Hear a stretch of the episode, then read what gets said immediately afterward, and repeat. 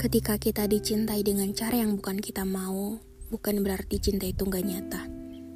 Karena kadang cara kerjanya memang gak berbicara, tapi butuh untuk kepekaan untuk bisa ngerti bahwa cintanya memang luar biasa, walau tanpa kata-kata. Hai, gue Firda semua orang Di podcast tentang menerima ini akan ada banyak cerita-cerita Dan semoga salah satunya cerita kamu. Oke, jadi uh, seperti kata-kata di awal tadi tuh Aku pengen cerita gitu. Oke, jadi kan aku masih di kampung gitu Dan uh, ketika di sini aku sadar akan satu hal gitu. Aku sadar akan tentang hmm, setiap orang itu memang punya sebuah cara pengungkapan cintanya masing-masing gitu. Ya mungkin ini tuh, tuh terdengar kayak ya memang gitu bir kan memang setiap orang tuh punya love language-nya masing-masing gitu. Ya iya gitu. Cuman kadang kita tuh mencocokkan love language itu tuh diri kita itu biasanya ke teman atau ke pasangan lebih umumnya kita tuh kadang-kadang lupa untuk love language keluarga kita tuh juga ada gitu. Dan aku juga baru menyadari untuk hmm, love language keluarga aku tuh memang berbeda dengan yang aku harapkan gitu. Seperti yang kalian tahu aku tuh anak yang sangat suka hmm, kata-kata. Hmm, kata-kata dalam arti tuh aku tuh sem suka semua tuh ada penjelasannya gitu tuh. Kayak ketika misal kamu ngelakuin ini kamu jelasin juga ke aku gitu. Biar aku eh, nggak uh, salah nangkap gitu. Biar aku juga ngerti gitu. Dan aku memang anak yang sangat suka untuk dikasih pujian. Aku dikasih tahu tuh lewat kata-kata yang lembut uh, lewat uh, sebuah hal-hal yang emang uh, bentuknya itu adalah sesuatu yang bisa dibicarakan baik-baik gitu. Dan untuk bentuk apa pun itu tuh aku mau kelihatan itu tuh dan e, cara kerjanya itu tuh tindakan nyata sekaligus kata-katanya bagus gitu. Mungkin emang kelihatan banyak banget mintanya gitu. Cuman e, yang mau aku sharing dalam hal ini adalah aku hidup uh, udah 21 tahun cuman kadang aku sering lupa untuk hmm, aku selalu ngerasa kayak uh, uh, apa ya kurang gitu. Mungkin aku selalu ngerasa kayak nggak cukup dengan apa yang aku punya dengan yang mereka kasih gitu. Padahal sebenarnya hmm, mereka ngasih segala-galanya. Bahkan mereka tuh mengorbankan banyak hal untuk aku. Cuman kadang-kadang aku tuh bukan gak nyadar atau aku tuh bukan nggak bersyukur atau aku bukan eh, nggak uh, bisa ngerti. Cuman kadang-kadang ketika uh, yang aku mau tuh atau cara yang aku mau tuh bukan cara mereka aku ngerasa mereka kayak gak ngerti aku gitu. Padahal sebenarnya sederhana aku emang gak ngerti mereka atau lebih tepatnya kita emang gak saling ngerti gitu. Karena mungkin kayak yang aku bilang tadi gitu. Aku tuh segala sesuatu tuh pengen banget untuk dibicarakan baik-baik. Tapi mungkin uh, setiap keluarga itu kan punya uh, language-nya tadi dan keluarga aku itu tuh lebih ke tindakan aja gitu.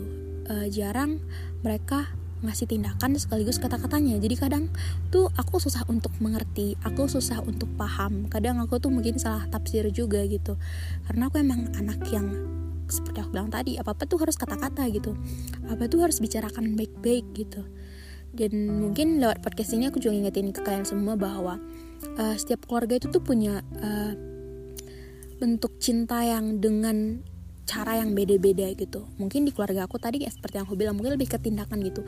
Untuk kata-kata itu kayak misalnya kata-kata romantis kata-kata pujian kata-kata kayak uh, sesuatu yang mm, menurutku tuh harusnya harus di mereka itu mungkin berlebihan mungkin. Semisal kayak aku tuh cara aku ngemuji di aku cara aku e, berkata-kata gitu mungkin akan dibilang kayak lebih sih berlebihan sih. Padahal menurutku itu hal yang aku butuhkan itu hal yang harusnya terjadi di e, situasi keluarga ini gitu. Cuman yang terjadi adalah mungkin didikan dari kecil atau dari dulu tuh memang lebih ke kayak apa apa tuh tindakan aja gitu kata-katanya sering lupa gitu cuman uh, yang aku sadari adalah ketika aku merantau mungkin aku juga belajar untuk aku ngerti bahwa aku tuh butuhnya apa dan aku juga tahu bahwa uh, memang aku tuh sukanya begini gitu. Jadi mungkin ketika aku pulang ini aku mempraktekkan itu gitu. Kayak aku sekarang mungkin emosiku lebih stabil. Kayak ketika ngomong sama adikku atau sama ibuku atau sama siapa pun kayak aku tuh mau sesuatu yang kayak kata-katanya tuh manis yang sopan. Intinya tuh kayak penuh dengan kata-kata yang menurutku emang harus romantis gitu. Dan mungkin uh, adikku atau keluarga aku tuh mungkin belum bisa menerima akan hal itu gitu. Mungkin dikira berlebih mungkin dikira berlebihan gitu. Apalagi sama adik-adikku gitu. Cuman um, lewat itu aku sadar bahwa walaupun uh, keluarga itu punya love, love language-nya masing-masing tadi love language di keluarga itu satu kan. Cuman kan setiap uh, dari orang-orangnya itu kan beda gitu. Mungkin dari aku yang ketika aku merantau aku juga lebih mengenal diriku sendiri. Aku jadi ngerti bahwa aku tuh juga butuh eh, kata-kata uh, itu. Aku uh, language itu tuh word of affirmation itu tuh sangat butuh di aku gitu. Aku mau segala sesuatu dibicarakan baik-baik aku mau kata-kata manis aku mau dibilangin baik-baik gitu sedangkan mungkin orang tua aku yang kayak mungkin kata-kata itu sering itu sering lupa gitu kayak kata-kata tuh sewajarnya aja gitu mungkin kayak ya udah gitu. Padahal aku tuh tuh pen penting banget untuk itu. Dan uh, seperti kata-kataku di awal tadi bahwa uh, ketika bentuk cinta yang diungkapin bukan cara yang kamu mau bukan berarti itu cinta itu tidak nyata gitu. Karena tindakannya itu selalu ada gitu dan keluarga aku tuh selalu support aku selalu mendukung aku gitu. Walaupun aku ngerasa kadang-kadang uh, aku maunya kata-katanya gini mereka nggak ngasih itu itu tuh menurutku wajar karena memang dari dulu nggak gitu gitu. Jadi sekarang mungkin ketika aku menuntut hal itu ketika aku pengen itu belum terrealisasikan ya nggak apa-apa sih. Cuman kayak aku juga sadar bahwa hmm, semakin dewasa aku semakin ngerti bahwa mau apa apa yang aku butuh apa yang aku inginkan apa yang harus aku dapatkan gitu. Tapi uh, banyak banget sih belajarnya ketika pulang kampung ini nih.